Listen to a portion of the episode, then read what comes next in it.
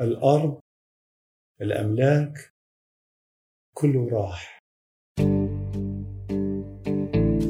بصراحة جينا قعدنا بالمخيم كنت أجي يعني وأقعد فيها هيك أطلع أقول إيش الله جابنا لهون؟ معقول هنا يعني هالخيمة هيك رح نضل هون؟ يجوز الأزمة تطول يعني فترة غير معروفة بس نحن على أمل العودة عايشين. والله وضعنا مو زين بيها بنوب ما بيها يعني تراب وتعب وما بي ماي ولا بي كهرب وبي أفاعي وبي حشرات و... يعني خايفين منها بس إجباري نقعد بيها أكيد أعمال العودة كمان بدها خفت يعني. بإيد أهلي كنا رحنا كمان. يقول تعال خضر البيت راح يعني. عشرات الآلاف من السوريين تقطعت بهم السبل في مخيمات شمال شرق سوريا أو في ملاجئ مؤقتة ومبان مهجورة.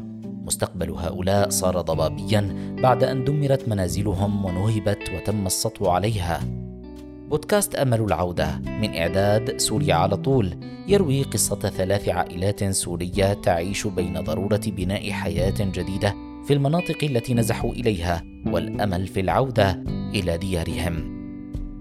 إليكم الحلقة الأولى بعنوان الطاحونة.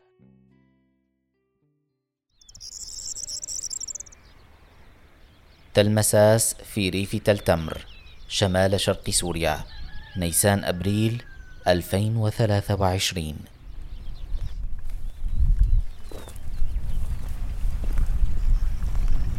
إيه نحن لما اجينا كانت مفتحة وكانت مهجورة وكان بيها وسخ وكان بيها نحن لميناها وهنا عجلنا طين وسيعناها مشان أرضية لأنه كان أمينة الفارس تبلغ 26 عاما من عمرها وهي من قرية دردارة في ريف رأس العين على الحدود التركية السورية منذ عامين تعيش في طاحونة مهجورة بضواحي تلتمر على بعد 35 كيلومترا جنوب منزلها.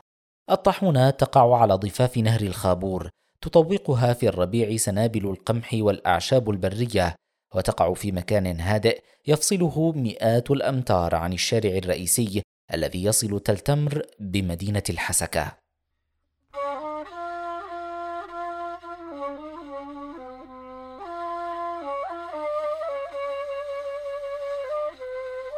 والله وضعنا مو زين بيها بنوب ما بيها يعني تراب وتعب وما بي ماي ولا بي كهرب وبي أفاعي وبي حشرات و...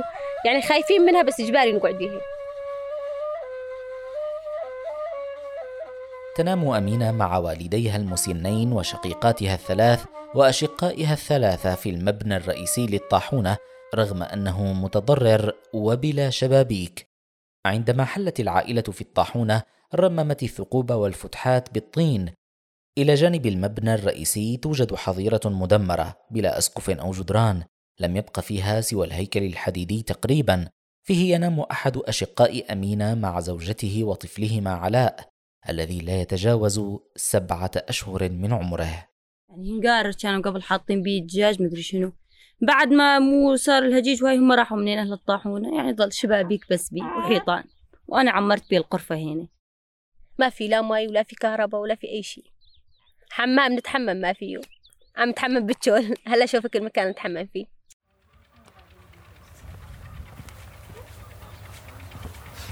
نطبخين نطبخ على النار نروح نجيب حطب من الخابور ونطبخ على النار. وبالنسبة للحمام هي نتحمم.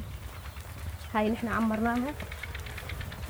عمرناها نتحمم فيها. نحط البردة هيك. لما ما نخلص حمام وبنزل البردة.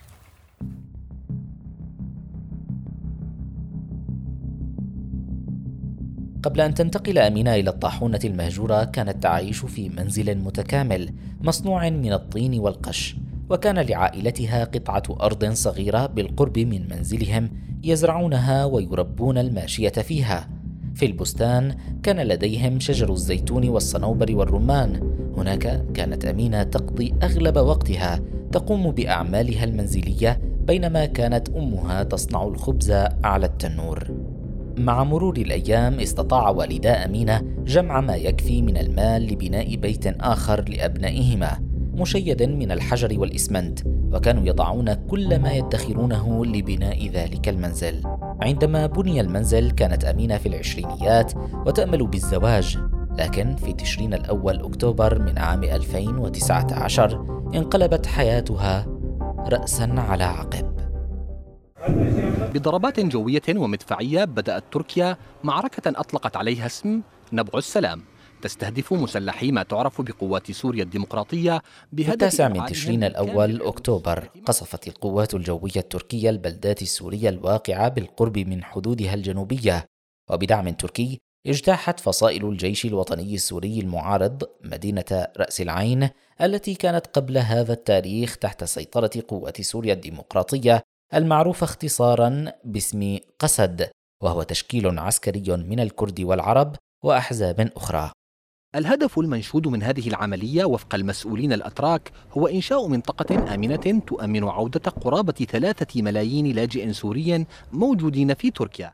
كانت تلك الليلة انطلاقة عملية نبع السلام العسكرية التي استمرت حتى نهاية تشرين الثاني نوفمبر 2019 عندما بدأ القصف فر آلاف الأشخاص من مدينة رأس العين وأريافها هربا من العنف. توجه الكثيرون إلى الجنوب الشرقي واتخذوا من مدينة الحسكة الواقعة تحت سيطرة قسد ملاذا لهم وتم إيواؤهم في المدارس والمباني الخالية أو المكاتب. لكن البعض ناموا في العراء كما حصل مع عائلة أمينة.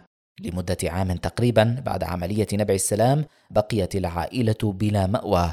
كانوا يعيشون في الريف وكل ما يملكونه سرير حديدي كبير عادة تحتفظ به العائلات السورية في حدائقهم للنوم عليه في الخارج خلال ليالي الصيف الحارة.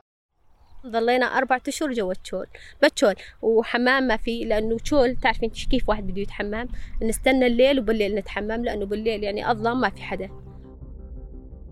تسببت عملية نبع السلام بتهجير أكثر من 200 ألف شخص كثير منهم كان يظن أن القتال سينتهي في غضون أيام قليلة وأنهم سيعودون إلى ديارهم بعد عدة أسابيع على أبعد تقدير. لكن مع استمرار الصراع دمرت العديد من المنازل ومع مرور الوقت العودة تبدو أصعب. لذلك شرعت الإدارة الذاتية لشمال وشرق سوريا التي تسيطر بحكم الأمر الواقع على محافظة الحسكة بإقامة المخيمات لإيواء المهجرين إلا أن الكثير من العائلات لم تذهب إلى المخيمات. على المخيم أول شيء ما دخلنا به لأنه قلنا بس إنه نرجع على بيوتنا وما رجعنا. والدا أمينة قلقان بشأن أطفالهما فثلاثة منهم يعانون من إعاقة. ثلاثة يعانون من الصمم والبكم ومن بينهم أنثى. تعاني إضافة لذلك من العشاء الليلي وهو نوع من أنواع ضعف البصر. كما أن الفرد الأصغر في العائلة علاء صاحب السبعة أشهر. ولد بلسان مربوط ومن دون إجراء عملية جراحية سيعاني من صعوبة في الكلام عندما يكبر. لهذه الأسباب تحاشى والدا أمينة العيش بالقرب من الآخرين. هلا عندنا البنت يعني إذا قعدنا بقرية نحن ما يمشي حالنا لأنه من تصير الدنيا ظلمة ما بتشوف. يمكن تقعد قدام البيت على الشول العالم تشوفها مو ظابطة. هلا نحن ليش اختارينا هالمكان هذا؟ إنه بعيد عن المدنية الخاطر إنه تطلع برا على الشول تلبس تتحمم مو عم نتحمم بالشول نحن. يعني إنه مشان ما حدا يشوفها. ما ما تفهم. وما تشوف. يعني كيف بدك تتعاملي معها؟ مرت الأسابيع والأشهر والعائلة بلا مأوى. إلى أن وجدت طاحونة مهجورة استقرت فيها. تقع الطاحونة بين قريتي تلمساس وتلمغاص الآشوريتين. الآشوريون مجتمع مسيحي يتركز على ضفاف نهر الخابور وهم من شيد بلدة تلتمر وأكثر من ثلاثين قرية على ضفاف نهر الخابور. ولكن منذ عام 2015 هاجر معظم الآشوريين الذين كانوا يعيشون هنا والذين يبلغ عددهم نحو خمسة عشر ألفا بسبب استهدافهم من قبل تنظيم داعش ولم يبق سوى بضع عائلات آشورية في كل قرية. منذ عام 2019 سكنت العائلات المهجرة في العديد من المنازل المهجورة مثلهم مثل عائلة أمينة يشغل الوافدون الجدد هذه الأماكن دون موافقة مالكها. ولكن في أحد أيام الشتاء الماضي جاء مالك الطاحونة إلى تلمساس مطالبا باستعادتها. والله أول ما نشوفه من يعدي من هين قلنا خلاص بده يطالعنا. وقت يوصل عنا زلمة كويس يقول إنه بده يشتغل هذا باب رزقه بده يظبط إنه هذا الطاحونة إنه هي قديمة بده يشغلها بده يشغل عمال فيها بده يقعد بيت أخته فيها. يعني إحنا ما نقدر نمنعه هذا باب رزقه وهاي أرضه بس نحن عم نط... عم نقول له إنه دب طول بالك علينا بلكي كم يوم ندبر حالنا بلكي إنه تصير الدنيا صيف نقعد جواها التخت يمشي حالنا نقعد بتشول هون بالتلة يمشي حالنا. طول بالك بس تعدي هالشتوية. أزمة هالشتوية ما يمشي حالنا بتشول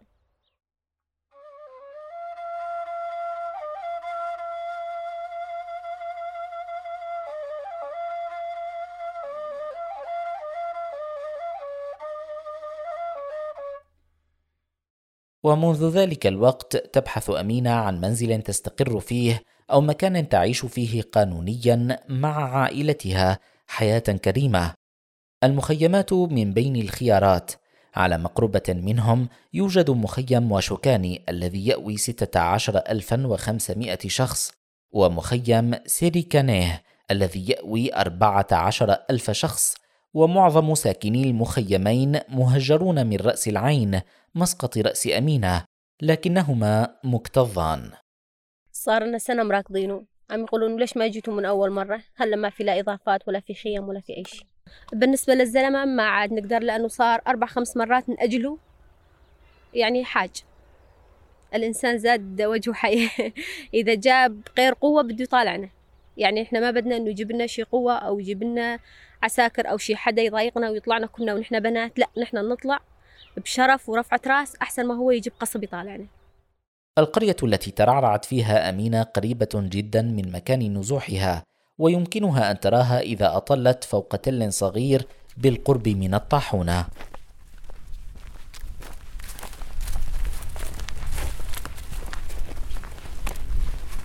والله نطلع كل أسبوع نظل نطلع نتفرج.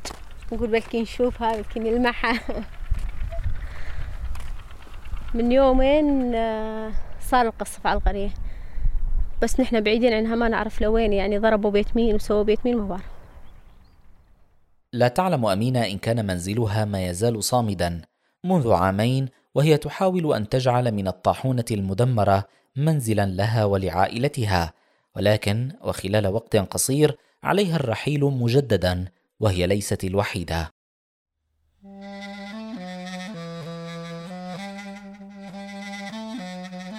في كتير قصص تشبه هاي القصص. هذه كولستان أوسو الرئيسة المشتركة لمديرية شؤون النازحين واللاجئين في الإدارة الذاتية. لأنه مرتين ثلاثة تكرر الموضوع أنه اجتياح التركي ويرجعوا فأغلبية العوائل ما ما كان لها أي رغبة أنه تفوت على مخيم أو تفوت لمكان يكون فيه استقرار لأنه هي لما طلعت يعني عندها رغبة إنه ترجع.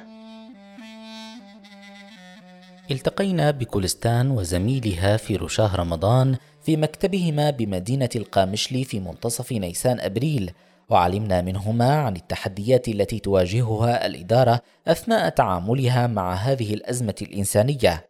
وبما أن سكان مخيمي وشوكاني وسيريكانيه مهجرون داخل سوريا فلا تعتبرهم الأمم المتحدة لاجئين ولا يتلقون إلا قليلا من الدعم الدولي. بالمجمل كلا المخيمين يستضيفان ما يزيد عن ثلاثين ألف شخص مهجر بسبب عملية نبع السلام وكلا المخيمين مكتظين بالنازحين. إضافة إلى هذا العدد يوجد عدد يتراوح بين سبعة آلاف إلى ثلاثة وعشرين ألفا من النازحين يعيشون في ملاجئ مؤقتة خارج المخيمات. ومن الصعب تحديد عددهم لأن المهجرين متناثرون في أماكن متفرقة. عايشين على أمل العودة في عائلات كثيرة أخذوا بيوت بالحسكة قالوا إنه شهر شهرين ثلاثة بدنا نرجع. هدول كمان الظروف المعيشية حتى ضمن المدن كمان هلا صارت قاسية عليهم. ما عاد قسم منهم يقدر حتى آه، يعطي أجارات لهي البيوت كمان. وبالمقابل كمان بعد أربع سنين أكيد أكيد اعمال العودة كمان بدها خفت يعني إنه صار صعب بعد أربع سنوات يرجعوا لأنه هن كانوا مثل المرات الماضية يفكروا إنه هن شهر شهرين يضلوا برات البيت ويرجعوا. بالعودة إلى منزلها في قرية دردارة كانت أمينة تنام مع أخواتها في غرفة وإخوتها الذكور في غرفة أخرى أي أنها كانت تملك بعض الخصوصية وتكسب قوت يومها من العمل في متجر صغير لبيع الملابس. بعد أن تقطعت بها السبل في تلمساس تغيرت حياتها كليا حتى أحلامها تبدلت. بالنسبة للزواج أنا خطبت أكثر من مرة بس ما تزوجت الخاطر أختي الخرسي. من حدا يحكي بموضوعي تصير تبكي. اي هلا وهين ما نقدر نسوي كل شيء. هسه هاي أرض فاضية بس ما نقدر نزرعها. ما يقبل الزلمة. أملاك وحقه إذا يطلع لنا يوميا نشتغل ما يطلع لنا قاعدين. تعمل أحيانا مع مزارعين مجاورين مقابل أجر يومي بحيث تبدأ عملها مع بزوغ الفجر وتمضي نهارها بزراعة البذور أو إزالة الأعشاب الضارة من الحقول أو في جني المحاصيل. لقاء هذا العمل الشاق تحصل على ألف ليرة سورية في الساعة في نيسان أبريل لعام 2023 كانت قيمة الدولار الأمريكي الواحد تساوي حوالي 7700 ليرة سورية ما يعني أن أمينة تكسب أقل من 15 سنتا أمريكيا في الساعة. ورغم قلة هذا الدخل فلا غنى للعائلة عنه. تعبانة مو تعبانة؟ إذا كنت مرضانة ولا تعبانة أنا بأيام أمرض بأيام الدورة أنا توجعني بطني حيل حيل حيل. بس إذا جتني فرصة شغل ولا مرضانة أطلع. بما أنه لا يوجد لديهم شبكة مياه تغذي المنطقة يضطرون إلى شراء المياه كل أربعة أو خمسة أيام من صهاريج المياه الجوالة في المنطقة وتبلغ تكلفة تعبئة خزان المياه ستة آلاف ليرة سورية أي ست ساعات من العمل في الحقول. ولترشيد استهلاك المياه الصالح للشرب والطهو تستخدم أمينة وعائلتها مياه نهر الخابور للغسيل والاستحمام وتنظيف المنزل ومياه الخابور لا تتدفق إلا شتاء وملوثة بشدة. هاي مي خابور مدت عليها كهاريز أول شيء القرية هاي كلها عليها. وتجي هاي هي من فوقنا كمان يعني المية الكهاريز عم تكت علينا على الطاحونة. وبالنسبة لنا نحن البنات كل شيء يعني محتاجينه. بالنسبة للباس ما عم نلبس مثل العالم والناس. بالنسبة يعني البنت في عندها شيء خاص بها في عندها تشتهي شيء آه، بالنسبة لباس خاص بالنسبة يعني شغلات كثير إنه نتمناها.